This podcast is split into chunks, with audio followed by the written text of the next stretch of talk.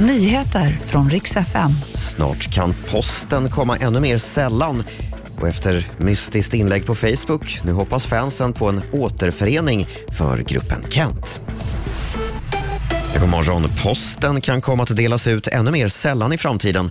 Regeringens utredare vill att Postnord ska få tre dagar på sig att dela ut brev istället för nuvarande två dagar, det rapporterar TT. Sen år 2000 så har brevvolymen i Sverige minskat med 47 procent och den här nedgången väntas fortsätta. I Pakistan fortsätter dödssiffran stiga efter gårdagens självmordsattack mot en moské. 83 personer har nu bekräftats döda och runt 150 har skadats, varav många är i livshotande tillstånd. Runt 400 personer, varav många poliser, ska ha befunnit sig i moskén när dådet inträffade.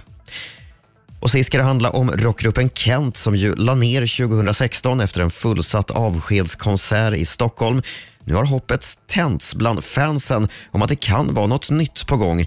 Igår uppdaterade bandet sin Facebook-sida för första gången på länge med något annat än reklam, nämligen en 10 sekunder lång video där texten 22 april 2023 syns mot en gul bakgrund.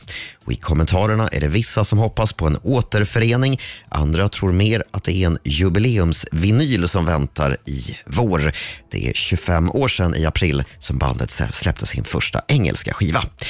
Och Det var de senaste nyheterna med Robin Kalmegård.